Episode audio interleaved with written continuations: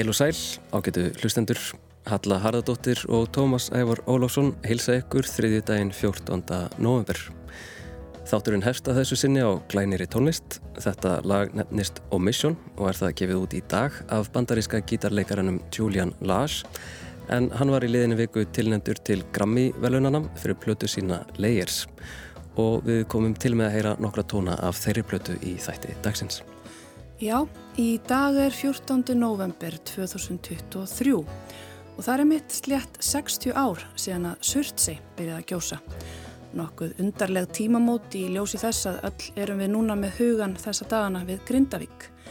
Surtsey hefur verið á heimsminjaskrá hjá UNESCO síðan 2008 og eigin hefur verið í huga listakonunar Þorgerðar Ólafsdóttur í um ára tug.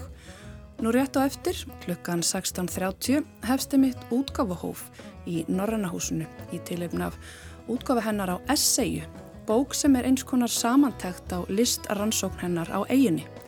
Við kynum okkur þessa bók betur von bráðar hér í Vísjá en í þessum þætti hverfum við inn í heim ljóða og tónlistar, nýrar skáldsögu og nostalgíunar.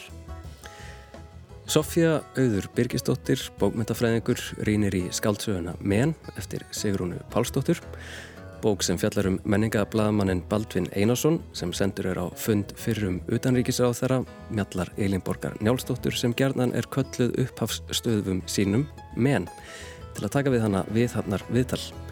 Heimsóknin snýr síðan upp á sig með óvendum afleðingum. Tónlistardúóið Ingi Bjargir samanstendur af söngkonunni Ingi Björgu Fríðu Helgadóttur og tónskaldinu Ingi Björgu Ír Skarpjansdóttur Þær kynntust í Listaháskóla Íslands og hófi fljótlega að vinna saman að tónlist við ljóð Ingi Bjarkar Haraldsdóttur. Þar hafa nú gefið út sína fyrstu plötu sem að kallast Konan í speklinum en þar er að finna 15 í lög sem að öll eru saman við ljóð Ingi Bjarkar Haraldsdóttur. Við ræðum við Ingi Bjarkir í þætti dagsins. Og Snorri Hallsson heldur áfram að rannsaka fyrirbærið nostalgíu. Í dag beinir hann linsunni að fortíðaþráni sem leiðarstefi í dægurmenningu samtímans skoðar hvernig tískan gengur sífælt í ringi og hvernig menningar yðnaðurinn tekur mið af ringsóli hennar og nótfæri sér til að selja okkur þessa ljúfsáru tilfinningu. En við byrjum í bókmöntunum. Sofja Auður tekur ná við.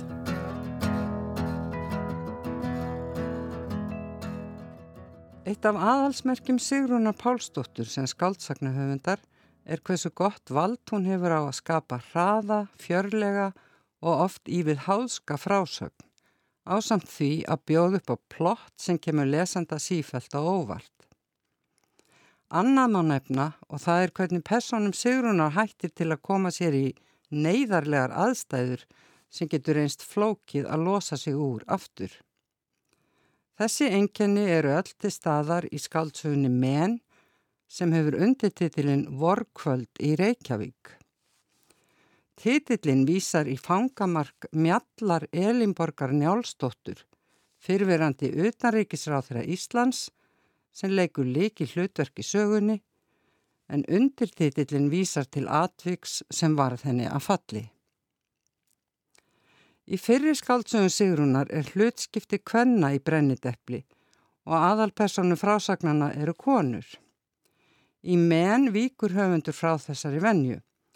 Þótt bókartitillin vísi til konu og ímislegt sem varða stöðu hvenna flettist inn í frásögnuna, þá er aðalpersonan Karlmaður, flautuleikarin Baldvin Einarsson sem í sögu byrjun starfar sem menningarbladamaður á hennu rótgróna bladi og lætur sig dreyma um að marka ný viðmið í menningarbladamennsku á Íslandi. Eftir vil á svo draumur hans að benda lesanda á útblásna sjálfsmynd Baldvins sem kannski er mikil innistæða fyrir þótt ljóst sé að hann sé afburða flautuleikari. Í fyrstu hafði Baldvin verið tregur til að ráða sér til starfa hjá blaðinu þar sem pólitiska skoðanir hans samræmdust ekki þeim sem blaðið talaði fyrir og eitrað egnarhaldið og úldin réttstjórnastefna settan í vanda. Hann hefur þó látið til leiðast vegna blankheita og væntanlegar fjölkunar í fjölskyldunni. Baldvin dreymur um að koma stað hjá Symfóníulónsett Íslands og hefur endar einu sinni þreytt intökupróf hjá sveitinni en fjall á því prófi vegna ofmetnaðar þegar hann valdi að spila tónverk sem útheimtir tækni og lestur á nótnaskrift út fyrir mörk hins mögulega. Verkið hafðan valið til að marka sér sérstöðu meðal hinnar umsækjandana, sína færni sína en tónarnir let ekki beinlínis vel í eirum og dómnemdin valdi annan. Í fyrsta kapla bókarinnar er eftirfarandi setning. Baldvin gekk út í rakt og skuggalegt vorið. Hann fór hjá stjórnaráshúsinu, horfið þaðan í norður á risastórt svart skí sem visti stefna eins og helstyrni í átt að nýju glæsibyggingunum nýri við höfnina. Eins og mörgum kannar enni grun má sjá þarna forbóða ógvænlegra atburða sem muni eiga sér stað á þessu sögursviði. Sú helja reið á upphafsitt í verkefni sem Baldvin er falið af rittstjórablaðsins og honum finnst vægast sagt óþægilegt og telur reyndar alls ekki vera á sínu sviði sem menningablaðamanns. Fyrverandi utanríkisráð þeirra Íslands Fyrirnend Mjöll Elinborg Njálsdóttir, kölluð menn, er að verða áttræð. Blaðið ætlar að byrta við hana veglegt viðtal og felur baldvinni nauðugum verkið. Menn á vafasama pólitiska fortíð og feril sem endaði með skandal og öldu mótmæla og undarfarn á tvo áratugi hefur hún verið í felum. Menn komst til metorða í flokknum á furðu skjótan hátt. Án þess að ljóst væri hvað hann hefði til brunns að bera. Hún var hins vegar vel tengd inn í heim viðskipta og fjármála og vell auðug. Menn hafi verið hægri hönd eigimann síns, svo vitna sér beint í söguna, í umfangsmiklum og afar farsælum viðskiptum sem uksu og blónguðust upp á heiði og út á nesjum í takt við vaksandi spennu austurs og vesturs. Fjölskyldan auðgast einni á gróðavænlegum kaupum og ríkisegnum og hefur í gegnum auðmaksitt sterk ítök í flokknum. Í menn hefur flokkurinn fundið sína næstu konu eins og þar stendur. Enda ekki vanþörf á þegar þær streymdu nú allarinn á þing undir eigin merkjum og annara flokka eins og segir í bókinni. Á yngri árum hafi menn átt sér þann draum að leggja fyrir sér söng en það bjóðin yfir sterkri rött sem vissulega var kostur þegar hún var komin í ræðustóla alþingi. Tilvitnun. Konan gatt vissulega talað hátt og skýrt en var einhvað síður tínt í pólitíkinni. Heimur handan eigin rekstus og bókalds var eitthvað sem hún hafði eiginlega aldrei leitt hugan að. Hún let því hæfilega lítið fyrir sér fara en ekki ætlast til annars afinni en að hún rétt upp hönd þegar það átti við. En svo gerðist hefur óvænta. Við skyndilegt fráfall utanríkisráð þeirra Íslands komur flókin staða sem endaði á því að þessi rattsterki en atkvæða litli þingmaður var skipuð í embættið. Ákverðunin kom flestum í opna skjöldu ekki síst henni sjálfri, en auðvitað hafðu ímsir á henni skýringar og allar voru þær löðrandi í sögusögnum og samsæriskenningum um spillingu og jáfnvel ólöglegt aðtæfi sem náðu hámarki þegar gjörðir þær sem urðu henni að falli hafðu verið afhjúpaðar. Tilvittnum líkur. Baldvin er því nokkur vandi á höndum þegar hann fer til fundar við menn sem býr í stórri og íbyrðamikilli útsýnisýbúð í einni að glæsi byggingunni neyri við Reykjavíkurhöfn og byrjar á að bjóða honum sem ekki borða kjött rúbröð með hráu nautakjöti, piparót, kaper, söksuðum, rauðböðum og hrári eggjarauðu og bjór. Sjálfa hún við áfengisvandamála stríða og hefur átt lengi en dátti áfengi sinn þátt í þeim skandal sem ítt henni af sjónasviðinu tveimur áratugum fyrr. Baldin getur ekki fengið sig til afþakka smurbröðið sem menn hefur útbúið sjálf og er það eitt lekkurinn í þeirri keðju vandræða sem hann er lendur í að fundi þeirra tökja og leiðir hann inn í miklar og lífsættulegar aðstæður sem ekki verða útskýrða nánar hér svo ekki verið spilt þeirri spennu sem lesandina á í vandum. Frásagnarháttu Sigrunar í menn er margratta. Sjónarhóttni flakkar á milli ólíkra persóna en er ekki aðeins bundi við aðalpersonuna. Auk Baldvin sjálfs fær lesandin sjónarhátt margra fleiri persóna svo sem fólks úr fjölskyldu Baldvins, úr vinahópi hans, sjónarhátt vinkvenna móður hans, meðlim ár Symfoníuljónst Íslands og fleiri sem við sögu koma.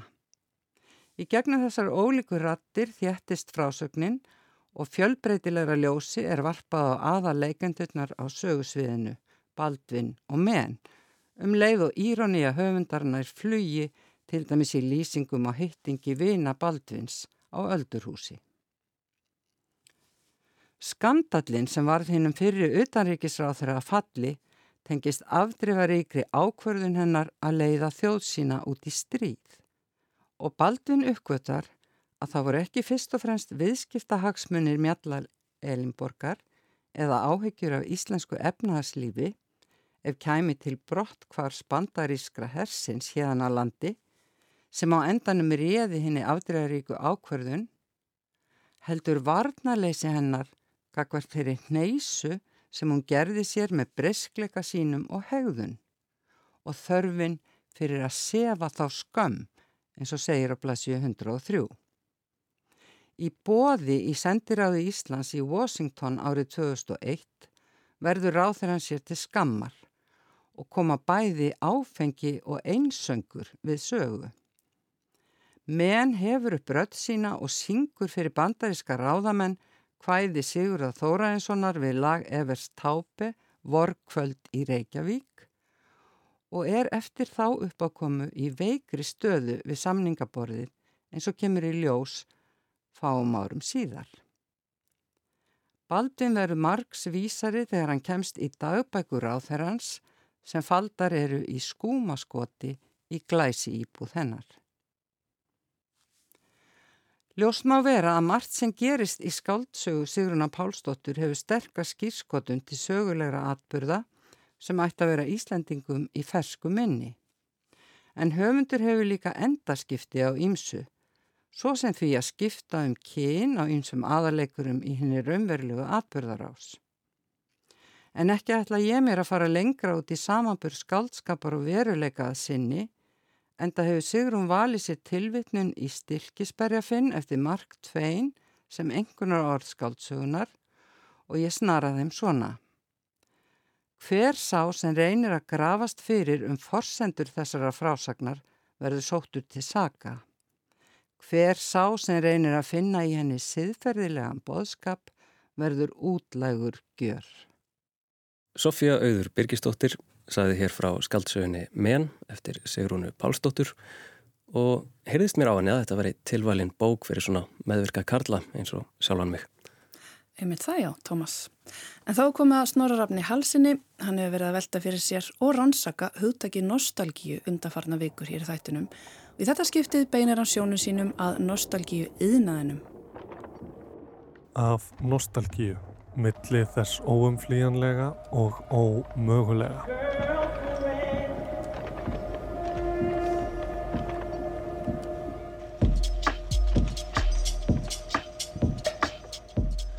Lítumæður í kringum sig er ekki óvarlegt að ætla að lind og ljós fortíðar þrá móti útlínur og innihald veruleikans sé á vissanhátt grundvallar afstafa okkar tíma.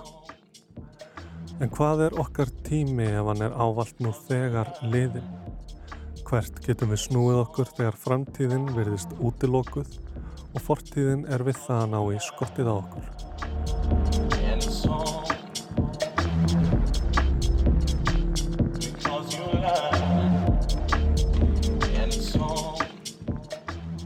Nostalgíja er leiðarstef í dægurmenningu okkar daga. En það er svo sem ekkert nýtt tískan gengur alltaf í ringi. Hún vaknar úr dvala þegar ungmenni grafa úlingsár foreldra sinna upp úr geimslum, kjöllurum og háaloftum þessa heims. Og þessir foreldrar eru þá orðnir drivkraftur neyslunar og stjórnendur framleyslunar. Þeir hafa þá loksins peningana, völdin og áhrifamáttin til að láta drauma sína rætast, fullkomna æskuna afturvirt og sækja í það sem þeim þótti töfrandi og undravert á sínum tíma. Bera það svo á borð fyrir okkur hinn sem lesum, hlustum og horfum á. Það er talað um 20 til 30 ára ringi. Í sjöunni og áttunni leit fólk aftur til fimmunar og sexunar. Þegar ég var barnum aldamótin var The 70 Show það besta sem ég vissi og eftir þrálátt ofríki 80sins eru nýjan og nullið farin að snúa aftur. Áttan er hverki farinsamt, sjáuð bara Stranger Things þættina á Netflix og hvernig þeir hafa markfaldað áhugan á Dungeons Dragons, Metallica og Kate Bush. Metallica bólir voru reyndar lungu komnir í H&M og seljast í massavísum allan heim á samt nirvana bróskallabólum. Kaupendurnir margir grunlausur um fólkið og háfaðan sem likur að baki og á ekkert skilt við smekk viðkomandi. Það er yfirborðið sem við þráum, ekki innihaldið, merkingin afmáð með öllu.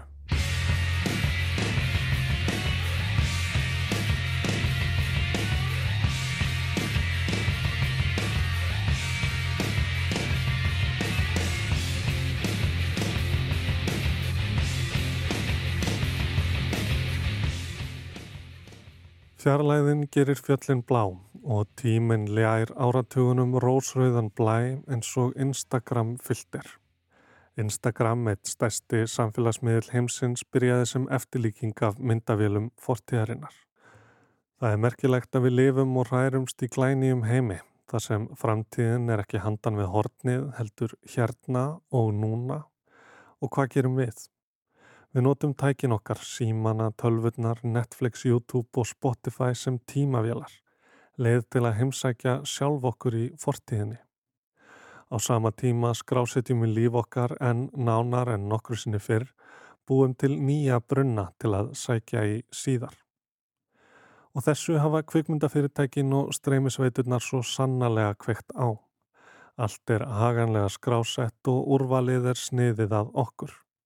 Við fáum meira af því sama því við viljum meira af því sama, erum verur vanans og leitum í það sem við þekkjum. Kvikmyndafyrirtækin og streymisveiturnar dreif ekki bara efninu, heldur eiga þær það og framleiða. Og það er að hluta til þess vegna sem nostalgían er líklega hvað mest áberandi á skjánum og kvítatjaldinu þar sem búningar, umhverfi og skýrar vísanir draga okkur inn í hortna heima. Við viljum alltaf meira af því sama en það sama er ekki alltaf það sama hjá öllum. Í bókinni The Future of Nostalgia bendir Svetlana Boym á að það er algíjan, þráinn sem við eigum öll hluteldi í. En nostosið, heimilið, það hverju þráinn beinist að er ólíkt og það skilur okkur að. Það er vissulega rétt ef við tölum um personubundna nostalgíu eftir einhverju sem maður hefur sjálfur upplifað. Það getur engin annar verið nostalgískur eftir tímabili í mínu lífi. En við erum ekki bara einstaklingar, heldur líka hópur og nostalgíja er alls konar, hún getur saminað okkur og skilgreint.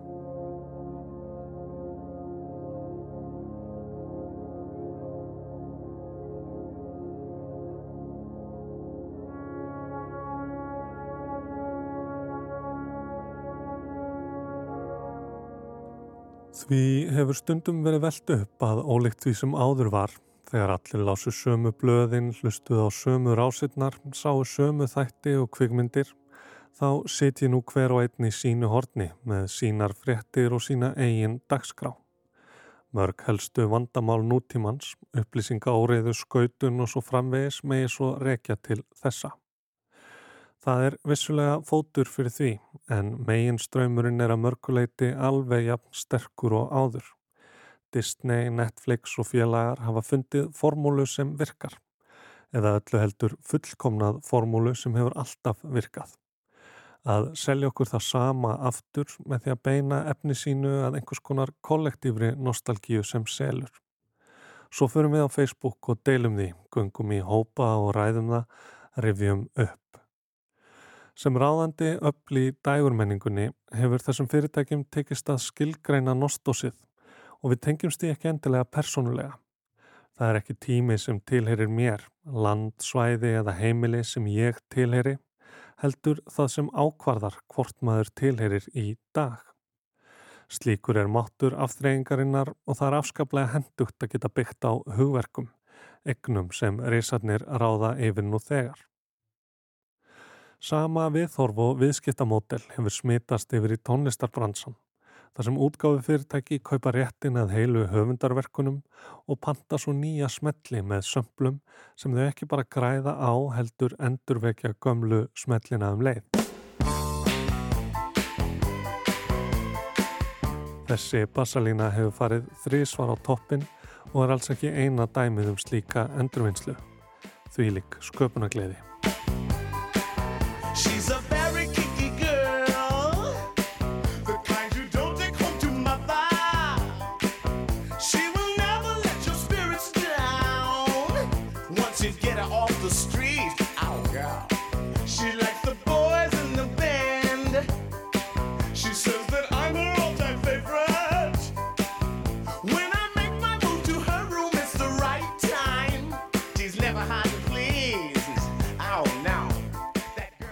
Kanski er ég bara orðin gamall kall, svona rétt skriðin á færtugsaldurinn, dottin úr takt við tíman og eina viðbræðið sem stendur mér til bóða er að bísnast yfir popkultúrnum. Fullur heims, ósóma og nostalgískur eftir nostalgíuleusum tíma sem aldrei var til. En þegar það eina sem við fáum, auðvitað ekki það eina en þið viti hvað ég meina, er meira Marvel, meira Star Wars, meira Batman, Indiana Jones, Jurassic Park, framhaldsmyndir 2, 3, 4, 5 og endurgerðir, sömu laugin og sömu þættirnir, þá horfir það við mér sem flotti, vangeta til að horfast í augu við veruleikan. Nútíminn verður lítið annað en gullöld gullaldanna, er ekkert í sjálfum sér, ekki glæstur, en meira um það næst.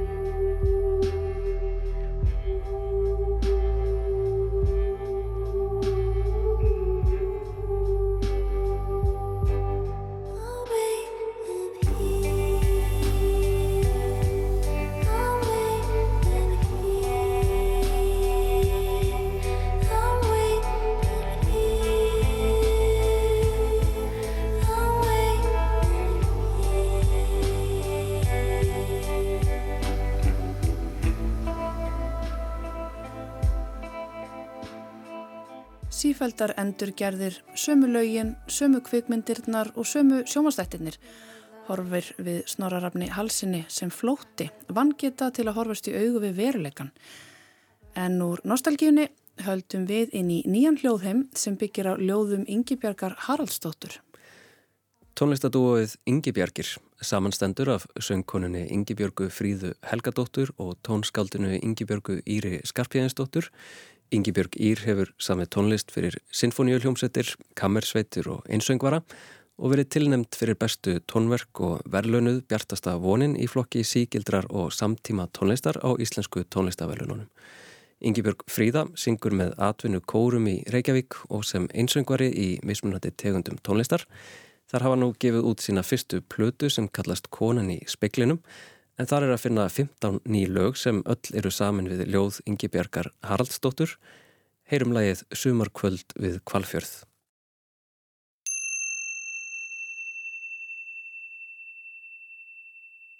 Væri Guð til, vildi ég finna hann í fjörunni hér. sjá hann reka upp sels höfuð og glotta. Verða fuggl og hverfa í fjalli.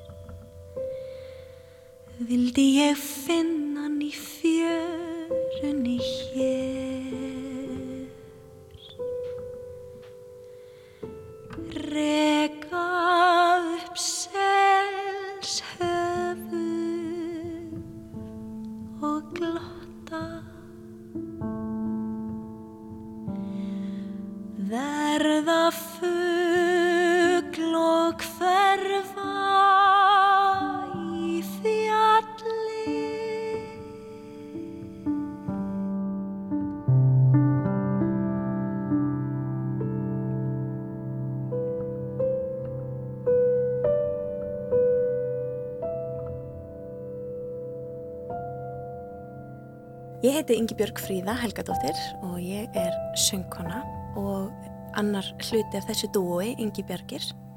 Ég heiti Ingibjörg Ír Skarpjörnsdóttir, ég er tónskáld og uh, í þessu verkefni er ég flytjandi. uh, já, og já, ég er hinn helmingurinn í dúónu, Ingibjörgir. Hvernig kynntust þið Ingibjörg og Ingibjörg? Við kynntumst í listaháskólanum þar sem að ég var að læra skapandi tónlistarmiðlun um, og, og tónlistarflutning og Ingi Björg Ír var í tónsmíðanámi. Við vorum á sama ári Já. og það byrjaði svolítið þannig að við vorum náttúrulega báðar Ingi Björgir og vorum oft svona að reyna að aðgreina okkur einhvern veginn og við vorum að gera tilraunum með að ég væri Fríða og hún væri Ír og enginn væri Já. Ingi Björg. En Það gekk ekki vel. Það. Þannig að Ingi Björg Ír náðu bara að einhvern veginn að, hvað segir maður, snúa þessu upp í eitthvað mjög gott með því að bara semja fyrir mig lag uh, við ljóð eftir þriðju Ingi Björgina, Ingi Björg Haraldsdóttir og breyttu okkur þannig í Ingi Björgir. Við erum Ingibjörgir, já. Þannig að hættum að berjast á móti þessu og bara unnum með þetta. Já. Já, þannig að þetta byrjaði sko alltaf í lok hverjar annar í listaháskólanum í tón, tónlistadeildinni. Þá er sko, það er svona uppskýruhátti þar sem að tónsmíðanemar, hérna, sagt, eh, það er flutt verk eftir tónsmíðanema og hérna eftir þriðju önnin okkar þá fluttum við tvær sem sagt tvö lög við ljóð eftir Ingeborg Haralds við hérna Svipi og Konuna í speklinum þar sem að Ingeborg Fríða söng og ég var á píanóið. Já, þetta voru fyrstu lögin sem að við samdum og þau eru á plötunni og hérna, já, og svo bara einhvern veginn var þetta gaman og hérna við ákveðum bara að halda áfram og finna fleiri ljóð og svo bara, hérna, já. Þannig að það var Ingibjörg Haraldsdóttir sem að eiginlega svona dró ykkur saman í samstarfið allavega. Já, Algjörlega. einmitt, já. Það var alveg þannig. Og við vorum einhvern veginn báðar að kíkja á ljóðinina svona á saman tíma án þess að vita af því að hinn væri af því og svo komist við að því og, og þá, hérna, Það þurfti allan ekki að samfæra mig neitt eh, um að syngja ljóðin hennar Ingi Björgar. nei, einmitt. Eða tónlistin hennar Ingi Björgar Írar. Hún er alveg stórkostleg. Það er bara gjöf fyrir, fyrir flytjendur að fá músík eins og þetta í hendunar. Sérstaklega það sem að Ingi Björg Ír, hún er bæðið með svo ótrúlega sterkar listar hennar sín og hún er með svo mikla rödd, hún er er einstakt tónmál en hún líka gefur og gaf mér alltaf svo mikið færi á að móta þetta með henni. Þannig að það er alltaf einhvern veginn staðir í tónlistinni þar sem að er svona einhvað samtali gangi og það er bara mjög dýrmætt. Það er, já, takk fyrir þetta.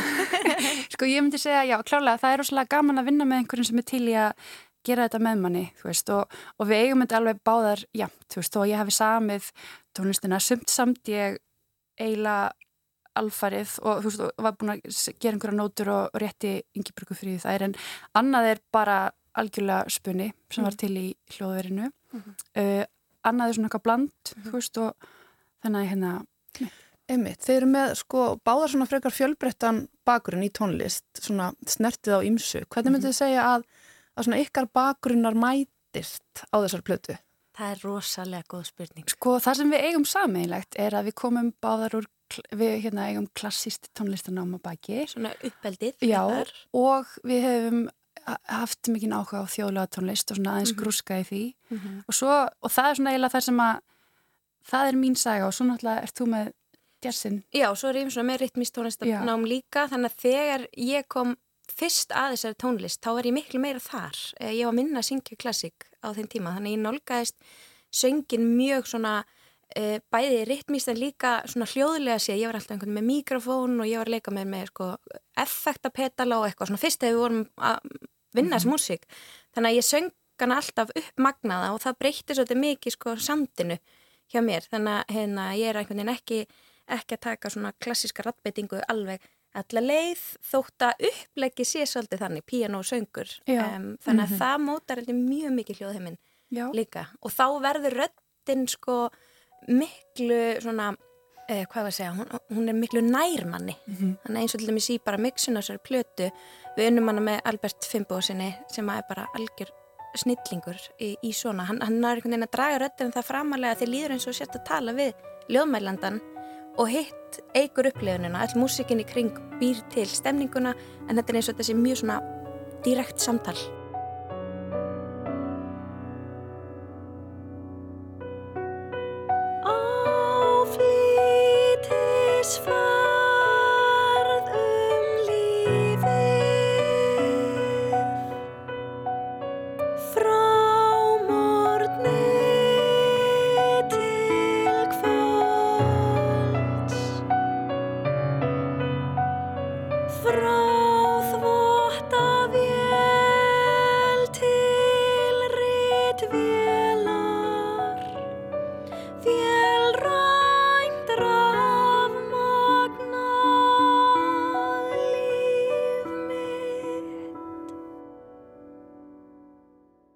Þessi ljóðheimur sem að er mjög sérstakur sem að það náðu að skapa þarna saman. Uh, það er ekki bara söngurinn og, og, og rithminn og textinn og hérna og allt það, þeir notið líka þeir eru með piano, þeir eru með langspil, þeir eru með spiladósir mm -hmm. rafljóð og, og alls konar í bland. Og stílinn verður svona eitthvað leiti mjög nútímanlegur en á sama tíma þetta er alltaf forn, mhm. kannski út af þessari þjóðlega hefð sem eru líka að vísa, ég veit ekki, er það saman því? Algjörlega, sko, hljóðheimurinn finnst mér eh, endurspegla og allar okkar tónlistarpælingar síðasta mm -hmm. ára tögin. Ég meina fyrsta lag er sami 2014 og síðasta lagi 2019 20, já, 2020 jafnvel 2021 já. þegar platan var tekinu upp já, þannig, að, hérna, þannig að sko allar þessar pælingar byrtast á einhverjum stað poppa svona mm -hmm. upp eins og til dæmis langspili það kom mjög stert inn þegar við vorum að flytja hluta þessari músík á þjóðlega háttíð eh, 2018 þá einhvern veginn vorum við rosa mikið í svona tvísöng og langspili og vorum rosa um mikið í þeim pælingum. Yngibjörg mhm. var að vinna á þjóðlega setrinu eh, á Siglufjörði eh, og þar kemur það inn í og harmoníi með þetta svona þjóðlega sound í kirkjuorgelinu. Mm -hmm. og svo á öðrum stundum erum við einhvers þar djútt í, í rafi mm -hmm. og, og erum að gera alltaf hluti. Þannig að þessi tónlist hefur þroskast með okkur. Já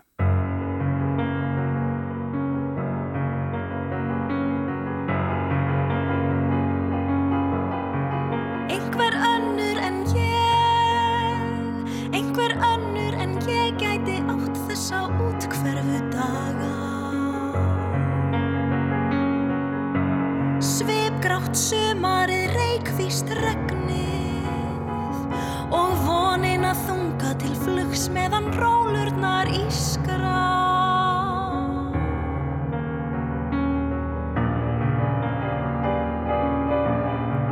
Einhver önnur en ég, gengið hókinum stofur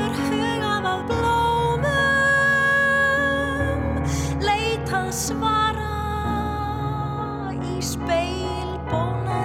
ásýnd hlutanna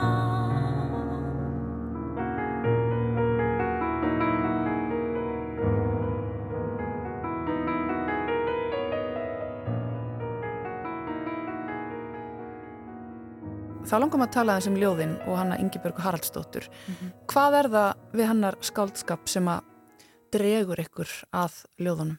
Sko, uh, fyrir mitt leiti, sko, þá er það er svo ótrúlega mikið sko, við erum búin að vera grúska, vorum alltaf með sko ljóða sapniðinar, hérna, þú veist, hérna allt höfundaverki hennar sem er í hérna ein, einni bók uh, og, og það var, það er svo ótrúlegt hvað sko, hvað hérna, það er fjölbreytt og þó að platan okkar, hún endur spekla svolítið bara það sem að við tengdum við á þeim tíma þegar við völdum þessi ljóð, þú veist, þá, þá er svo margt, ótrúlega margt annað líka og við vorum, við vorum að skoða þessa ljóðabók hérna þegar við vorum að fara yfir textana þegar þeir eru allir í uh, á, vínil, á vínilnum þá eru þeir það, skrifaðir og hérna og við vorum aðtöku hvort við værum ekki örugglega með þetta allt rétt og þá var ég alltaf að finna einhver ljóð og ég bara, vá, af hverju notaði ég ekki þetta ljóð? Og þetta, þetta er, vá, hvað þetta er flott og að ég veit ekki það og ég held, kannski er það líka bara kannski er það einhver ljóð sem ég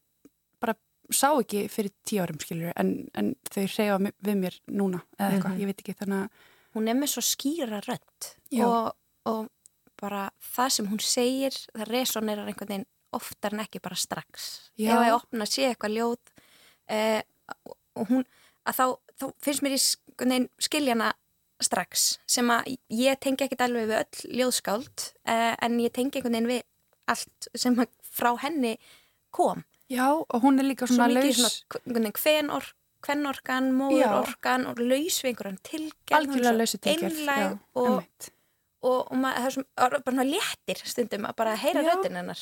Já, og við erum búin að finna það og heyra svo mikið, sérstaklega undanfærnum vikum eftir að platan koma út hvaða eru mörg sem að tekja hana og tengja við hana Mhm. Já. og elska hana. Bara, ó, er þetta lag á plötunni, þetta ljóð á plötunni ég er uppáhaldsljóðið mitt og Ingeborg Haralds er eina af mínum uppáhalds þannig að það er búin ótrúlega skemmtilegt að fá þessu viðbröð sko. já, einmitt. og, og þetta hefur, sko, þetta hefur aðalega komið frá fólki sem er aðeins eldin við. Mhm. Þannig að það er ótrúlega gaman fyrst mér, þú veist, að, hérna, að vera vekja aðtikla á þessum verkumennar Mhm. uh, og bara kynna þeir henni fyrir okkar kynsloð og þeim sem að eru yngrin við líka, Mhm. Haldið að hún tali sérstaklega til hvenna? Eða hefur það breyst svona með tímanum Sko, hún hún gerði það ábygglega mikið á sínum tíma, já. Og sko, hún náttúrulega talaði til okkar að því leiti að hún er svona að yrkjum hluti sem er ekki beint töffa að yrkjum, þú veist, að vera mamma og, vera líka riksuga og setja í þvottavel og eitthvað svona. Samt gerir hún það á einhvern hátt, þú veist, hún er alltaf svona, alltaf einlæg en samt líka töffari, þú veist. uh, ég held hún, hún gæti alveg samt, mér finnst samt vera að tala um eitthvað sem að allir ætti að geta tengt við, sko. Já. Þú veist, svona einhverja hverstaslega, Það er eitthvað melankóla í hverstasleikanum já, Já, einmitt. og hún er að draga fram þetta, þetta svona hlutverk sem getur stundum verið svo styrlað eitthvað að maður er á fullu í kannski atvinnlífinu, maður er að gefa eitthvað út eða maður er að búti list eða maður er að vinna eitthvað rosalegt verkefni og er djúft í því og vera rosalega fullorðin svo allt í nefna bara eitthvað komin í risaðluleik tveim mínútu síðar og það bara svona alveg að, að því barni kipi mann einhvern veginn tilbaka. Og hérna að hérna, í þeim ljóðum sem hún fjallar um það, það þau eru svona, það er ljóðin sem að við tengdum allan hvað sterkast við Já. að og það eru, þú veist, það eru tvö lög á plötunni sem eru við ljóð þar sem að einmitt hérna fullorðni foreldri er eitthvað svona á kafi í hérna hverstegsleikanum og svo kemur badnið og, og hérna kippir manni einhvern veginn niður á jörðina og, og hérna allt í hennu kemur með eitthvað svona Kemur með eitthvað svona observation, Já. kemur með eitthvað svona, hei mamma, sástu þetta? Eða vissur þetta?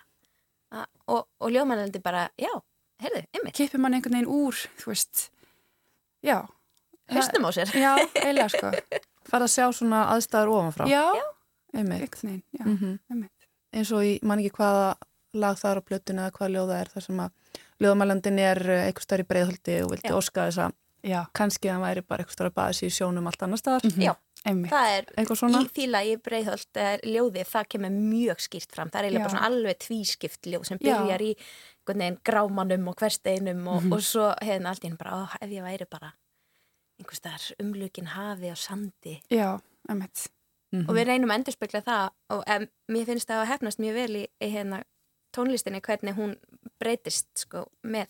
Einmitt, fyrst er þetta svona svolítið svona kaotísk kaotískur píano undirleikur og svo, og svo hérna, já, svo, svolítið svona klessulegt og svo sem einhvern veginn að, leysist upp? Já, leysist svo upp í svona einhverja hérna svona einhvern sveimhuga einhverja sveimhuga melodíu sem að hérna svona, já, drauma. Já, Mhm. algjörlega Mér langaði einmitt svo að spyrja ykkur út í östuðt líka bara vinnuferðli við það að velja ljóðin mm -hmm. sem er verið erfitt en, en svo hvernig músikinn leggst ofan á það eða hvort það er öfugt eða hvernig þið vinnið þetta svoleiðis? Sko ljóðin kom alltaf fyrst mm -hmm. held ég Já.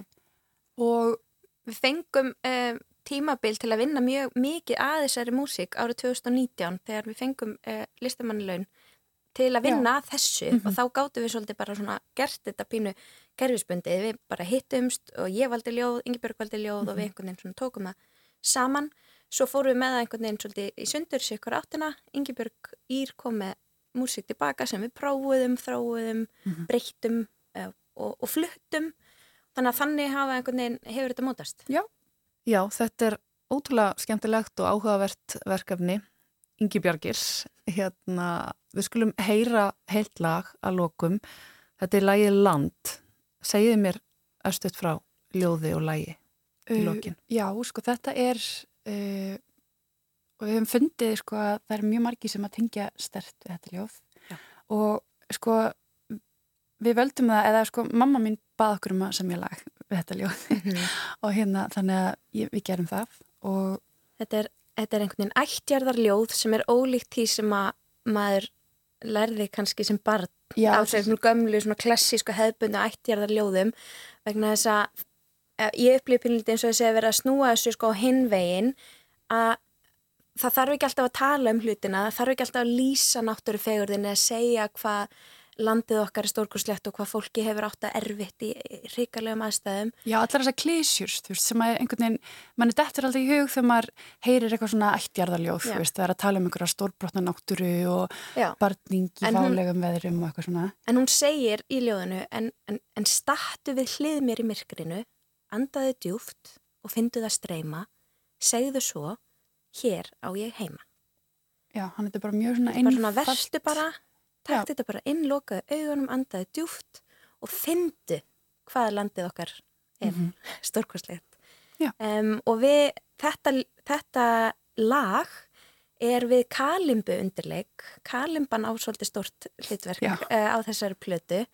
Kalimban er svona, hefur stundu verið köllu fingrapíano. Þetta er svona lítið hljóðfæri sem getur haldið í, í lóanum á þér og, og hérna, -hmm. sleiði á svona málm strengi. Já, og þetta er sko, hérna, þetta er í ákveðinu, tóntegund og það er, alls, það er ekki uh, það er ekki margir tónar þannig að þetta er svona svolítið strjált en ótrúlega þægilegt að semja á vegna þess að maður hefur ekki úr mörgum tónum að velja og þá getur maður ekki verið að ofugsa hlutina heldur bara um eitt, eins og ljóðið svolítið segir, já. bara fyndi þetta bara, já. verstu þannig að við um, söndum þetta lag í samminningu mm -hmm. um, og við söndum það í kringum upptöku af Yngibjörgu Haraldsdóttur að lesa þetta ljóð mm -hmm. Þannig að í lok lagsins þá kemur hún inn með okkur, eða sérst röttin hennar, le, hún les og svo syngjum við síðasta frasan með saman. henni í rauninni. Já. Ég segi þér ekkert um landið, ég syng engin ættjarðarljóð. Um hellana, fossana, hverina, ærnar og kýrnar, um baráttu fólksins og barning í válegum veðrum. Nei. En statu við hlið mér í myrkrinu. Andaðu djúft og fyndu það streyma. Segðu svo ekkert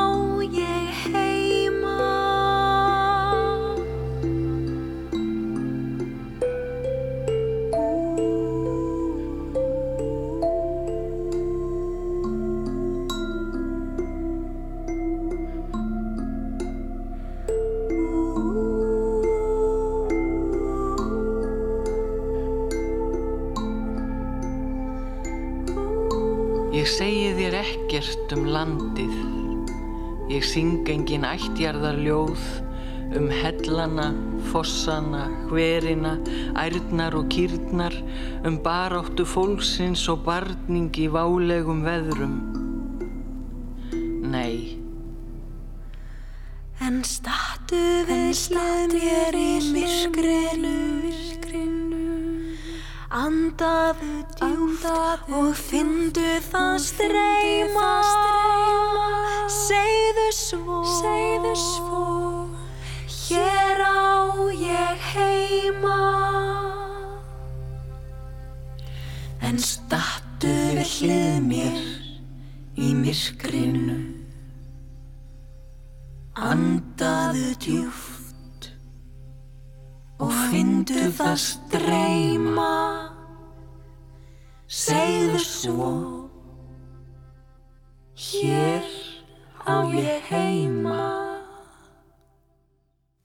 lagið Land af plötunni Konan í speklinum, nýplata tónlistardúetsins Ingibjarga, þar sem er að finna lög sem öll eru saman við ljóð Ingibjargar Haraldsdóttur.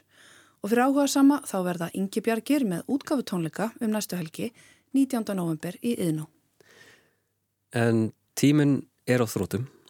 Við höfum hugsanlega rými fyrir eins og eitt lag að lókum og við skulum enda þáttinn eins og við Hófumann á bandaríska gítarleikaranum Julian Lass og lægi hans Allt hjálpar eða Everything Helps. Takk fyrir að hlusta á þennan þriðudaginn og verið sæl. Verið sæl.